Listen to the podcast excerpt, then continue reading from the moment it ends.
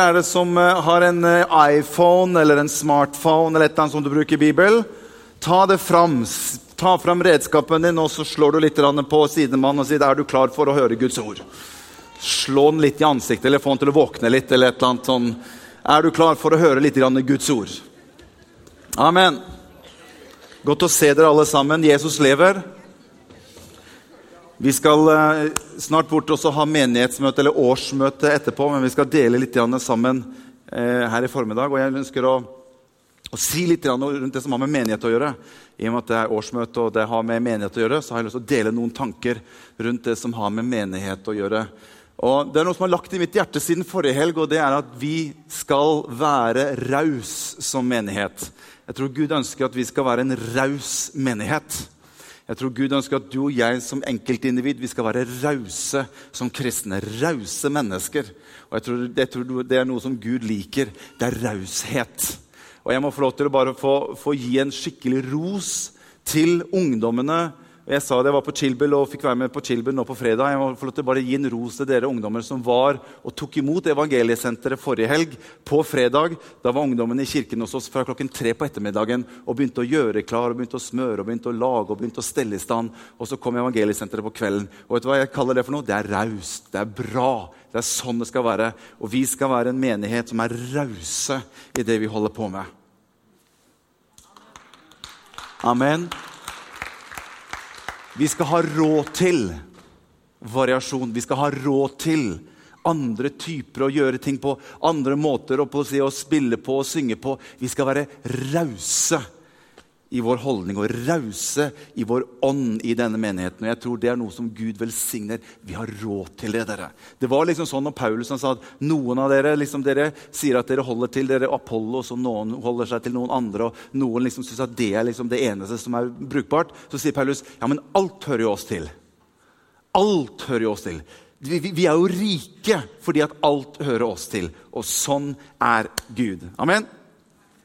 Du, jeg, jeg, jeg hørte en litt, artig historie her. for var, Jeg tror ikke det var i denne menigheten, her, men det var en annen menighet hvor det var et ektepar som kom hjem fra møtet, et vanlig søndagsmøte. og Kona sa til mannen du, la du merke til det ekteparet som var på møtet i formiddag. Ja, så sa han det. det la jeg merke til. Ja, du la du merke til hva hun hadde på seg? Nei, sa han. Det kan jeg ikke Det er jo sånn som vi, vi som menn vi, Det er ikke alltid vi legger merke til hva folk har på seg. liksom. Så hun sa la du ikke merke til hva hun hadde på seg. Nei, det, det gjorde jeg ikke. Nei vel? Nei. Og Så snakket de litt mer, og så sier hun plutselig du, la du merke til at uh, det og det ekteparet der var på møte i dag. Ja, jeg så de. Ja. ja, La du merke til hva han hadde på seg, eller? Nei, sa han, det kan jeg heller ikke si at jeg la merke til. Hva er det da vitsen å gå på møte hvis ikke du får noen ting ut av det i det hele tatt? Så det, det, er liksom forskjellig utgangspunkt i det å gå på møter. Jeg, ikke, jeg, ikke, jeg, håper ikke at du går på møter for å få noe ut av det, for å sjekke hva folk, folk har på seg. Det er andre ting vi gjør for å komme på møter, som er noe mye mye viktigere enn det. Og det er det som jeg ønsker å dele litt med dere i formiddag. Har dere 15 minutter til meg? Flott. Er det noen som har 20? Bra. Flott. Da skal vi prøve på det. Vi slår opp i første Mosebok kapittel 28 og fra vers 10. Første Mosebok kapittel 28 fra vers 10. 10. Jeg har skrevet litt Hva er menighet for noe? Hva er menighet? Hva forventer Gud seg når vi kommer sammen? Eller hva forventer du deg av Gud? Eller hva forventer Gud seg av deg når vi kommer sammen? Hva, hva, hva er det vi gjør når vi kommer sammen og har kirke eller vi har menighet? Det her som jeg snakker om nå, er noe som egentlig vi kan ha overalt.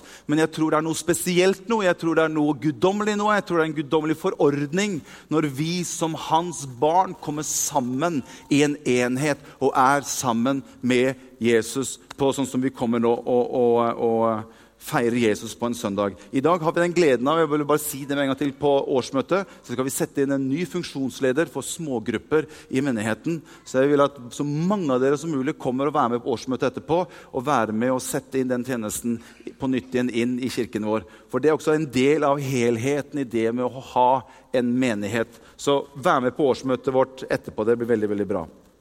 Ok, La oss gå litt inn i teksten. Første Mosebok kapittel 28 fra vers 10 der står det Jakob dro fra Besheba og gikk mot Karan. Han kom til et sted og ble der over natten, for solen var gått ned. Han tok en av steinene Tenk litt på symbolikken her med Jesus som hjørnesten, eller Jesus som grunnsten eller toppsten. Se bare litt på symbolikken. Han tok en av steinene på stedet og la under hodet. Og så la han seg til å sove på dette stedet. Da drømte han å se en stige var satt opp på jorden, og toppen av den nådde helt opp til himmelen. En vei altså som går fra jorden til himmelen. Guds engler steg opp og steg ned på den. Og se, Herren sto over den og sa, 'Jeg er Herren, din far Abrahams Gud og Isaks Gud.' 'Landet der du ligger, skal jeg gi til deg og dine etterkommere.' 'Dine etterkommere skal bli som støvet på jorden.' 'Du skal utbre deg til vest og øst, til nord og sør.' 'Og i deg og i din ett skal alle slekter på jorden bli velsignet.' Se, jeg er med deg og skal bevare deg overalt hvor du går, og jeg skal føre deg tilbake til dette landet for jeg skal ikke forlate deg før jeg har gjort det jeg har sagt deg. Da våknet Jakob av søvnen og sa, Sannelig, Herren er på dette sted, og jeg visste det ikke.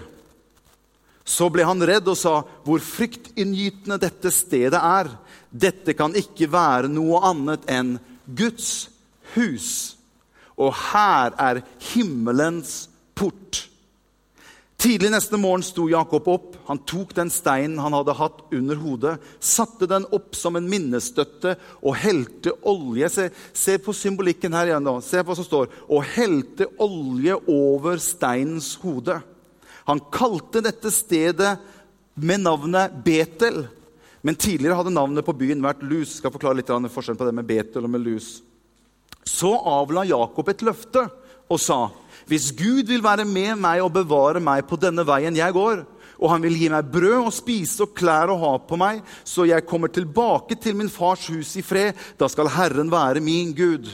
Denne steinen som jeg har satt opp som en minnestøtte, skal være Guds hus. Dette er jo begynnelsen av menigheten. Dette må jo være begynnelsen av menigheten, dere. Se hva det står. Og av alt det du gir meg, skal jeg sannelig gi deg tiende. Jeg skal komme litt tilbake til det med tiende og det med penger litt senere. Men det vi ser her, det her er starten av menigheten. Ja, men Du sier ja, men apostelens gjerninger det er jo starten av menigheten. Ja, Apostlenes gjerninger det er starten på den nytestamentlige menigheten. Men Gud begynner å introdusere noe som har med Guds hus og har noe med menighet og kirke allerede helt her tilbake til første Mosebok, kapittel 28. Og Det er dette som jeg har lyst til å se litt, at du skal se litt sammen med meg. For det står om at Jakob det står at han kalte stedet for Betel, som betyr Guds hus. Bet det er et ord som betyr hus, og El betyr Gud. Betlehem betyr altså da et brødhus, eller et hus som består av brød, eller et forhånd. Eller El det betyr Gud. Elohim, som betyr Gud. Betel kalte Gud, Jakob dette stedet, som betyr Guds hus. Det er Guds hus, men hva er det som gjorde det stedet der til Guds hus? Hva er det som gjør dette stedet her til Guds hus når vi kommer sammen? Hva er det som gjør dette her hos deg og meg? Hva er det som gjør dette her til Guds hus? Jeg vil dele litt tanker med deg rundt det. Du vet, Betel det var et sted litt mot sørgrensen av, av, av Israel. Eh, Betel var et sted som egentlig var en del av en by som het Lus. Et avgrenset område. Eh, hvis du leser tidligere i Mosebøken, så vil du se at Abraham han var på det samme stedet og satte opp et alter på akkurat det samme stedet. Og det var der også Abraham ofret sin tiende til Melkisedek. Det var på dette samme sted. Men Abraham kalte ikke stedet for Betel. Det var Jakob som kalte dette stedet for Betel noen, noen år tidligere. Betel var også et veldig viktig si, sentrum for all mulig trafikk som gikk i Israel. Både fra nord og til sør så gikk liksom på en måte veien gjennom dette stedet som Betel. Og fra øst og til vest så gikk også trafikk, og veldig mye av handelsveien gikk gjennom Betel. Så Betel var på en måte et veldig sånt stort hovedkryss, hovedsentrum, som veldig mange mennesker overnattet for, eksempel, for å komme dit. Det var, var ikke mer igjen av dagen, og så overnattet de i Betel. Men hva er det som gjorde det til Guds hus?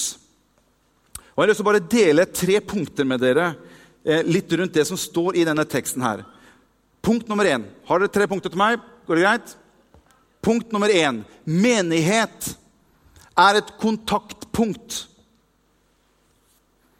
Menighet er et sted hvor du og jeg kan få lov til å kontakte oss på Gud, eller koble oss på Gud.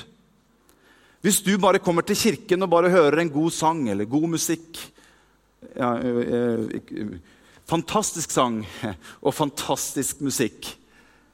Og fantastisk god forkynnelse. Bare for å være litt ærlig her. I all beskjedenhet. Hvis du bare kommer på en måte til kirken og menigheten for å på en måte bare nyte god sang og musikk eller høre en fin tale, det er ikke menighet. Det er å bli underholdt. Menigheten har en mye større oppgave enn det. Når Jakob, når du leser om Jakob her, så fikk han et møtepunkt med Gud. Det står der i vers 12 det står, da drømte han, og se, en stige var satt opp på jorden, og toppen av den nådde helt opp til himmelen, og Guds engler steg opp og steg ned på den. Du kan godt lese om denne stigen som kalles for Jakobs stige. Hvis du går til Nytestamentet, så kan du lese faktisk i Johannes kapittel 1 og vers 45. Det er litt artig, fordi at veldig ofte så har gammeltestamentlige forordning eller gammeltestamentlige skikker eller gammeltestamentlige profetier har sin, ofte sin oppfyllelse i Det nye testamentet. Og Det som du leser her om i første Mosebok, kan du få lov til å se hvordan Jesus forholder seg til det i Det nye testamentet. Så I 1. Johannes, nei, Johannes 1, vers 45, nå går det litt fort her, der står det Philip traff Natanael og sa til ham Vi har funnet han som Moses har skrevet om i loven, og som også profetene har skrevet om. Det er Jesus fra Nasaret, Josefs sønn. Så sier Natanael, kan det komme noe godt ifra Nasaret, da? sa han. Philip svarte, 'Kom og se'. Jeg syns det er litt artig, det som står her. Følg med, følg med hva som står. Det står Jesus så Natanael komme gående, og så sier Jesus, 'Se, en sann israelitt, en som er uten svik.' Og jeg tenker at Det, liksom, det løfta jo Natanael litt, da. Well hm. Han var ikke så verst allikevel, hadde Jesus. Og så sier, så sier, eh, så sier Natanael, 'Hvor kjenner du meg fra?' Så Jesus svarte, Nathanael, jeg så deg før Philip ropte på deg da du satt under fikentreet.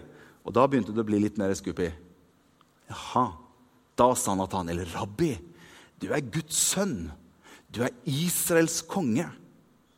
Så sier Jesus noe litt artig. Så sier han, du, tror du at jeg er Guds sønn bare fordi at jeg liksom sa til deg at jeg kunne se deg når du så under fikentreet? Tror, tror, kaller du meg Guds sønn bare ut ifra det? Så sier han, du, Fasten your seatbelts. Bare vent. Det kommer mye større ting enn dette her. Og så står det noe interessant når det står du skal få se større ting enn dette. Så, sa han, sannelig, sannelig, jeg sier dere, dere skal se ah, Dette er bra. Dere skal se himmelen åpnet og Guds engler gå opp og gå ned over menneskesønnen. Nettopp det som Jakob hadde opplevd i sin drøm da han fikk et møte med Gud. Det Jesus sier her, er at 'jeg er Jakobs stige'.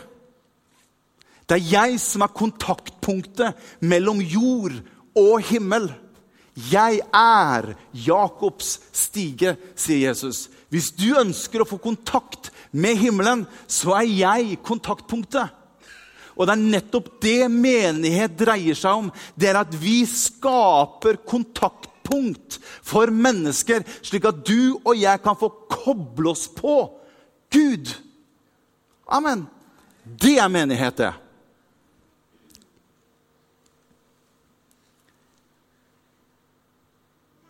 Men hvorfor? Så hvorfor er dette Guds hus? Vi går tilbake så ser vi hva som står i vers 16 i det vi begynte med vers 16. Der står det Sannelig, Herren er på dette sted, sier Jakob. Og jeg visste det ikke. Vet du at jeg, eh, Nå er jeg jo ferdig med skole. Tror jeg, da. Men barneskolen er jeg i hvert fall ferdig med. Eller ungdomsskolen og videre. Og Takk og lov for det. Eh, og jeg var kanskje ikke den skarpeste i grammatikk på skolen. I klassen min. Jeg var ikke den skarpeste kniven i skuffen, som man sier. Når det har med grammatikk å gjøre. Jeg har blitt litt bedre. Jeg har hatt en kone som har lært meg veldig mye. Eh, tusen takk for det, Anette. Du har vært en god, fin læremester på grammatikk. Eh, men jeg var, jeg, var den, jeg var, ikke den, skarpeste i, i, i grammatikk. Men, men, når jeg leser sånn som dette jeg vet ikke om dere la merke, hvor, hvor mange lærere er det som sitter, hvor mange lærere er det her? Få se, Opp med en hånd. Ikke vær beskjeden, lærere. Opp med en hånd. Hvor mange er det som er lærere her? Bra. Jeg vet ikke om dere la merke til det, dere som er lærere. For det står her det står, 'Sannelig, Herren er på dette sted', og jeg visste det ikke sånn. Jeg tenker at det der er jo ikke Du starter en setning i presens, er det ikke det? Og så på en måte så bruker du fortid i samme setning. 'Jeg visste det ikke'. Sånt noe, det, det, det, Der greier jeg å se det. At det her det kan du ikke gjøre, som læreren min sa til meg. Morten, det der kan du ikke gjøre. Men hvorfor står det sånn? Sannelig, Herren er på dette sted. Og jeg visste det ikke. Kan ikke Gud grammatikk? Jo, Gud kan, kan, grammatikk, men det er noe som Gud ønsker å vise oss med det som står her. Det jeg tror egentlig Jakob mener å si, det er at sannelig Gud er på dette sted. Og jeg visste det ikke, men nå vet jeg det. Skjønner du? Sannelig Gud er på dette sted. Jeg visste det ikke, men nå vet jeg det. For jeg har fått en erfaring med det. Jeg har fått oppleve det, jeg har fått se det. Et eller annet sted i lovsangen så var det bare et eller annet som skjedde. Jeg kobla meg på. Jeg fikk et møte med det man snakker om, og det man synger om. Et eller annet sted midt inne i forkynnelsen så var det et eller annet som bare koblet seg på. Og så fikk jeg et møte med han. Jeg fikk et møtepunkt i Jesus Kristus. Sannelig Gud er på dette sted. Jeg visste ikke, men nå vet jeg det. Og du skjønner, Det er det du og jeg gjør når vi har menighet. Det er dette menighet handler om. Det er at vi greier å skape atmosfære slik at mennesker får et kontaktpunkt med Gud. Det er derfor vi har lovsang og tilbedelse. Det er derfor vi har dans og drama eller hva som helst som vi gjør i kirken. Og ikke bare her, men mellom søndagene også. Vi, vi, vi ønsker å være med å skape arenaer og skape atmosfære som gjør at du kan få koble deg på. Og Derfor så tror jeg at det vi gjør, skal være bra. Jeg tror på god atmosfære.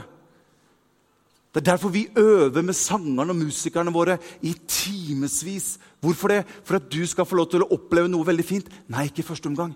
Men vi ønsker å skape en god atmosfære som kan være med å hjelpe deg å koble deg på Jesus. Jeg hører liksom noen som kanskje av og til sier ja, men skjønner, det er ikke så veldig nøye om det er så veldig Det skal liksom alltid være så flott og fint. Og liksom, vet du hva? Vi ønsker å gjøre det veldig flott og veldig fint for å skape en atmosfære som mennesker kan koble seg på. Vi skaper atmosfære. Du vet Når jeg og Anette skal være hjemme alene Vi er jo hjemme alene på fredagskvelder. Og det er jo så fantastisk. Alle gutta er jo ute. Er gutta her nå? Jeg bare var litt forsiktig. Gutta er jo litt voksne nå, og, og, og, da får vi liksom en liten stund hvor vi er hjemme. Og når jeg kommer liksom inn i stua, og Anette liksom har, har, har pynta litt det, det, det, er rent. Jeg gjør det også av og til. Altså. Bare, nå, nå, kjente jeg det var mange som på en måte liksom meldte den inn. Jeg tar den, jeg også gjør det. Men jeg syns det er veldig koselig når hun gjør det. da, Og skaper en atmosfære for meg. Så når jeg kommer inn i stua, så er det lys tent overalt. og Det lukter mat som er lagd. Hva er det for noe? Det er atmosfære. Hvis jeg kommer inn etter gutta har vært hjemme en stund, da er jeg ikke så sikker på at jeg får akkurat samme atmosfære. Da er det mer sånn Gutter, nå! Nå rydder vi opp. Nå fikser vi. Men hva er atmosfære? Det er med på å skape en kobling. Og det er det vi gjør her i kirken. Og Derfor så har jeg et ønske. Jeg synes Det er så bra å ha så mange dyktige mennesker med. Vi ønsker å være med å skape atmosfære. Spiller ikke lenger rolle hvor lenge du har vært frelst, eller om du har vært nylig frelst. Vi ønsker å skape en god atmosfære i denne menighet, så mennesker kan koble seg på Jesus. Amen. Det er det vi ønsker med menighet. Og det er ikke noe bare vi skal gjøre på søndager, men det skal vi gjøre som menighet i stort. Amen. Derfor ønsker vi å gi det beste vi har, derfor ønsker vi å gjøre det beste vi kan, osv. osv. Sannelig, Herren er på dette sted. Jeg visste det ikke, men nå vet jeg det. Tenk på hvor mange mennesker skal få lov til å komme hit og få lov til å si det etter en liten stund. Sannelig, Gud er på sted. Jeg visste jo ikke det, men nå vet jeg det. Jeg har jo aldri visst om at det var noe sånn som dette her i Bærum. helt tatt, Men nå vet jeg det. Og nå vet jeg sannelig at Jesus lever òg, for jeg har møtt han. Det var en så god atmosfære i den kirken når jeg kom til dere, og dere viste Jesus på en så god måte. Og plutselig så fikk jeg et møte med Jesus. Nå vet jeg det! Amen!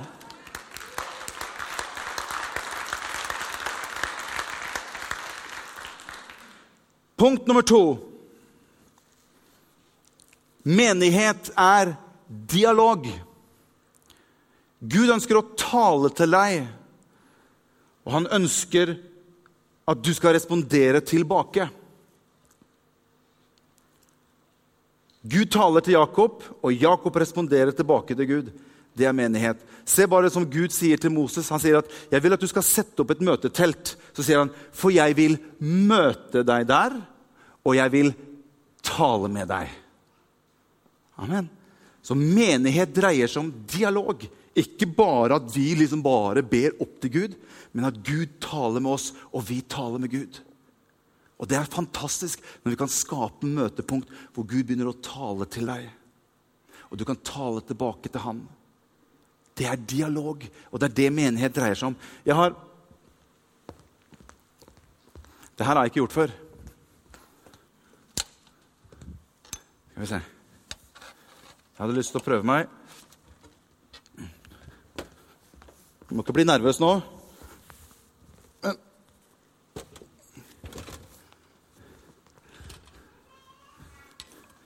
Du skjønner, Jeg har bare lyst til å dele litt, noen tanker med deg rundt dette med at, at Gud, Gud har ønsket dialog. Gud ønsker å tale med oss. Det er tre ting som jeg ønsker bare å dele rundt det som har med dialog å gjøre. Eh, nå skal jeg tegne noe her. Nå kommer dere til å bli utrolig imponert. Skal vi se. Bare vent litt her nå. Kommer du, du, kommer ikke til å tro dine egne øyne. Han Morten han har altså noen kunstneriske gaver som er helt eksepsjonelle. Det der hadde du ikke trodd. Se her, Dette her er et stort kryss. Det er et stort kryss i Bærum, eller i Sandvika. Og her går det massevis av biler. Eh, den første delen som jeg ønsker å dele, som hvordan Gud snakker, eller hvordan Gud har dialog med oss, kall det for to a Det kaller jeg for korrigering. Gud korrigerer deg og meg. Jeg vet ikke om du trenger korrigering noen ganger, men jeg trenger korrigering noen ganger. Gud korrigerer oss. Se nå, skal jeg vise deg et eksempel her. Ser dere her? Skal jeg prøve å stå litt sånn eh, La oss si at her borte her Her er Vet du hva det er for noe? Det, det var meninga at dere skulle vite det med en gang. Hæ? Ja, hvem var det? Se der, Britt. Du har ikke sett den tegninga jeg hadde lagd i forkant? Nei. Her er Kulturhuset. He-he-he. Det er det, skjønner du. Dette er Kulturhuset. Se nå. Kulturhuset. Eh, Chillbill skal ha en konsert i Kulturhuset. Og det er ventet massevis av mennesker som skal komme og høre på, på, på Chillbill på, i Kulturhuset. Så folk kommer kjørende i forskjellige steder, og her kommer det en bil. Kjører nedover her. Dette er en bil. Trenger ikke å le før jeg begynte å tegne. Her kommer en bil, kjørende nedover her. Og han er på vei til å snu og så kjøre inn hit. Her står en fyr. Sånn. Og så skjønner på en måte den fyren at han der han er egentlig på vei til konserten i Kulturhuset. Så han, han tar og stopper Han står her, så vinker han. Det er en sånn internasjonalt tegn for uh, stopp, eller stopp her. Det er det tegnet der. Så stopper han Og så sier han hei. Eh, jeg ser dere kjøre litt rundt her. Så spør han er, er dere på vei til, til, eh, til Kulturhuset på Chibel-konsert. Ja, det er vi. Vi er, vi er, ikke så veldig kjent her, men vi er på vei til, til Kulturhuset for å være med på Chibel-konsert. Ja, men eh, da, da, da, kan ta, da, kan dere ikke fortsette bortover denne veien her.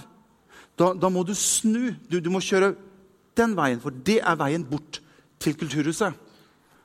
Så er spørsmålet her er det en vond person. Syns du han er ond? Hm? Nei. Syns du det er greit at han sier ifra at hvis du, hvis du, skal bort hit, så må du snu og så må du kjøre den veien? Og Sånn tenker jeg det er litt i dialog med Gud også. Ja, men så kan de si at ja, men skjønner, vi, vi syns den veien bortover her er så utrolig fin. Vi, vi, liker den veien vi er på nå. Vi ønsker gjerne å fortsette på den veien.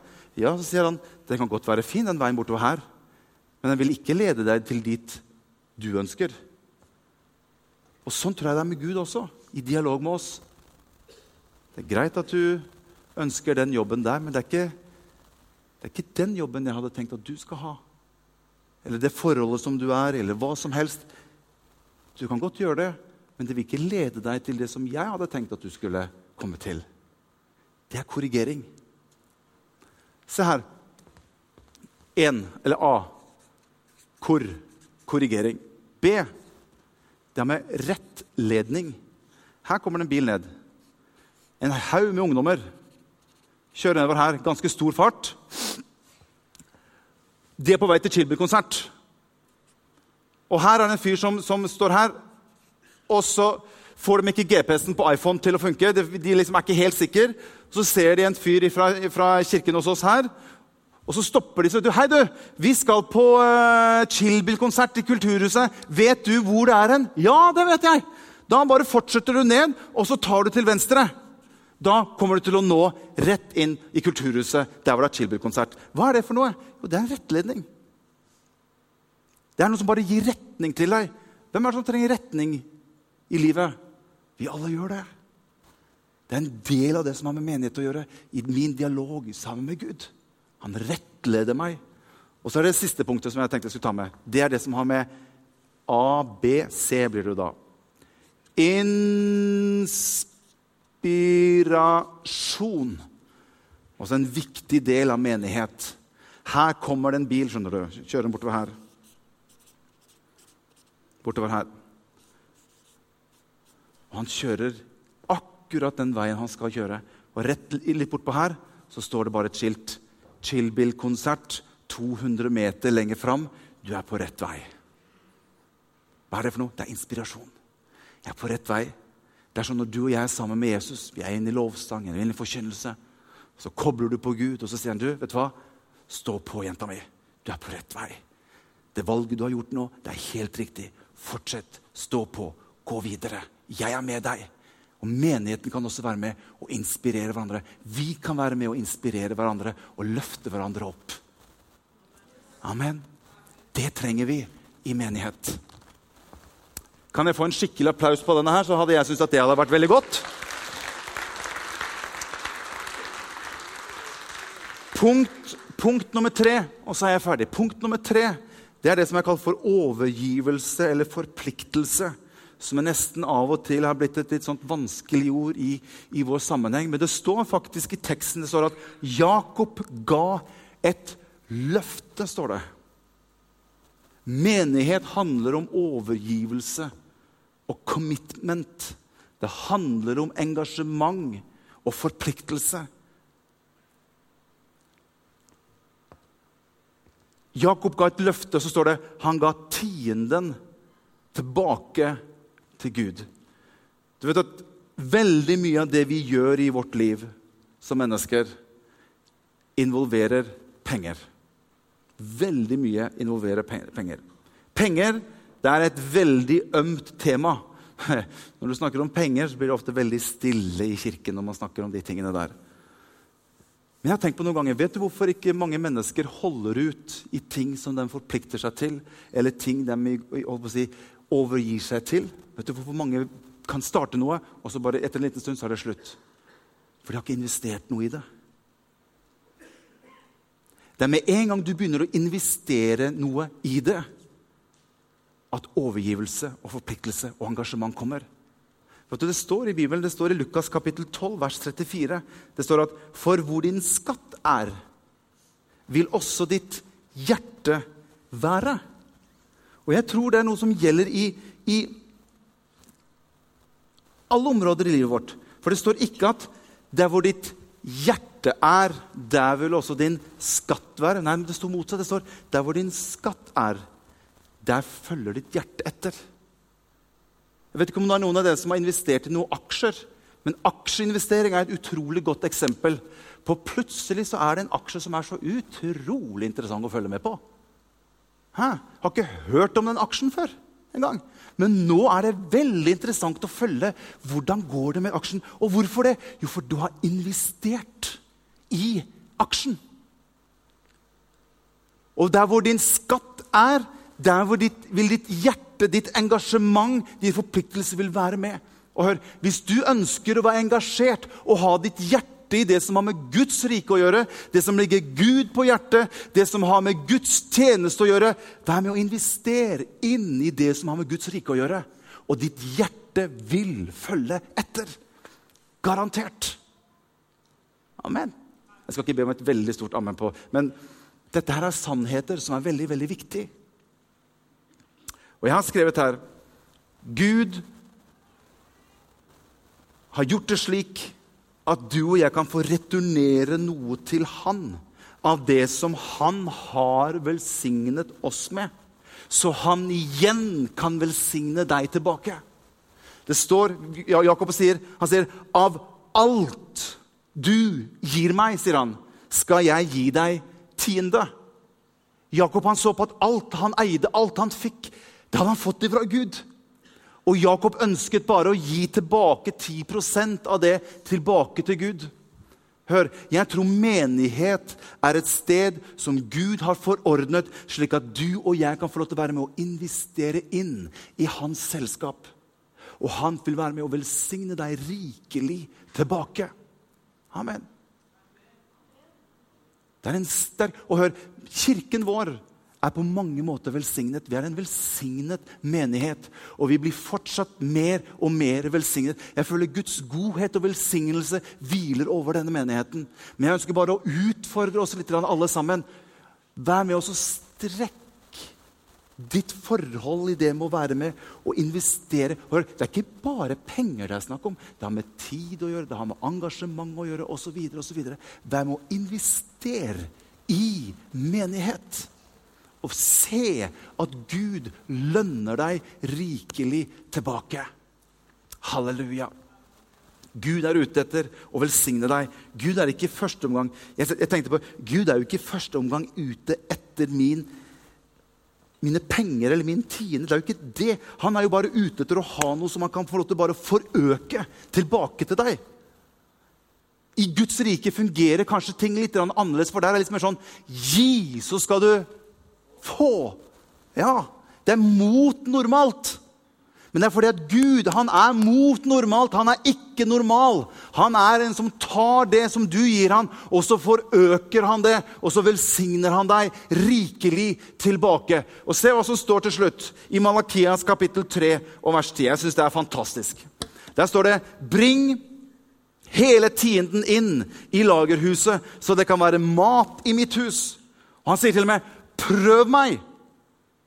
Prøv meg i dette, sier herskarenes herre, om jeg ikke vil åpne himmelens sluse for dere og utøse en slik velsignelse for dere at det ikke er rom nok til å ta imot den. Jeg er ikke der enda. Jeg vet ikke om du er der. Beklager, men nå er det helt fullt. Nå kan jeg ikke ta mer. Vi har enda litt å gå på, dere. Men Gud sier, 'Prøv meg på denne måten, så skal jeg velsigne deg rikelig tilbake.' Og vet du hva det til og med står? Har du lest det som står etterpå? Det er jo nesten enda bedre. Det står, Så sier Gud, 'Jeg, jeg skal true den fortærende gresshoppen for deres skyld', så den ikke ødelegger jordens grøde for dere. Vintreet på marken skal ikke ikke mangle frukt for dere, sier herskarenes herre.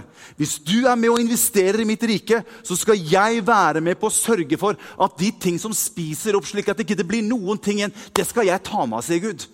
Jeg skal fortære den gresshoppen. Gresshoppen det er den som alltid går inn i markene våre og spiser, slik at vi ser det er jo ingenting igjen. Det skal jeg ta med sier Gud.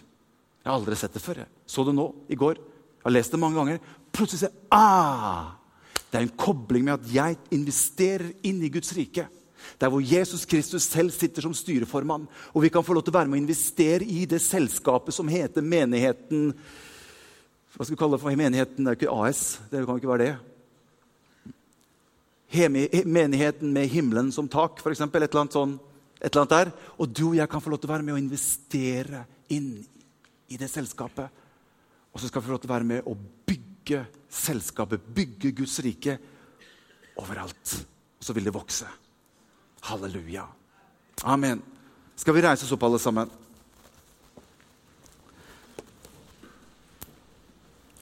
Jeg husker, jeg husker første talen jeg talte i ungdomsgruppa i Gamlekirken. Eh, første talen jeg, eh, jeg, talte, kalte jeg for 'Det jeg har, vil jeg gi deg'. Det husker jeg veldig godt. Jeg, har, tror jeg har kopi av den hjemme. 'Det jeg har, vil jeg gi deg'. Da hadde fattern fått ny sånn skrivemaskin, sånn skikkelig kul skrivemaskin. Som var så liten, så du kunne sette et så kunne liksom, Det var nesten litt sånn touch. Og så var det til og med delete-knapp tilbake med noe sånn hvitt pulver som bare måka på inn på papiret, og så forsvant den. Det var jo høyteknologiske tider. Og jeg hadde skrevet denne talen 'Det jeg har, vil jeg gi deg'. Og den når jeg satt og forberedte meg litt i går, så plutselig så kom det litt tilbake til 'Det jeg har, vil jeg gi deg'. Og selvfølgelig Herren sier at det dere har som menighet, det skal dere gi videre. Det er tid for oss som menighet å ikke bare ha det vi har for oss selv, men det vi har fått, det skal vi være med å gi videre. Og det er fantastisk, dere. Dere skulle bare visst hva som rører seg i kulissene i menigheten hos oss om dagen. Det er masse ting som skjer. Det er mye spennende som skjer. Det er masse mennesker som bare ønsker å være med og bygge videre og ta det gode budskapet og koble mennesker på dette. Det er masse som skjer.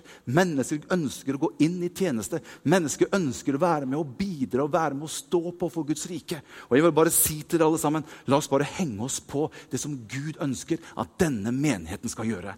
La oss få lov til å være med å utgjøre en forskjell på dette stedet som Gud har kalt oss til. La oss få lov til å være med å utgjøre en forskjell, slik at mennesker kan få lov til å begynne å se som vi snakket om i gamle dager, en by på fjellet som mennesker ser og sier her Sannelig, Gud er jo her. Jeg visste det jo ikke, men nå vet jeg det. Amen. Kjære Jesus, jeg takker deg. Takk for at du er her, og du er høstens herre, Jesus. Og takk for at du er menighetens herre, Herre. Takk for at du døde for oss, Herre.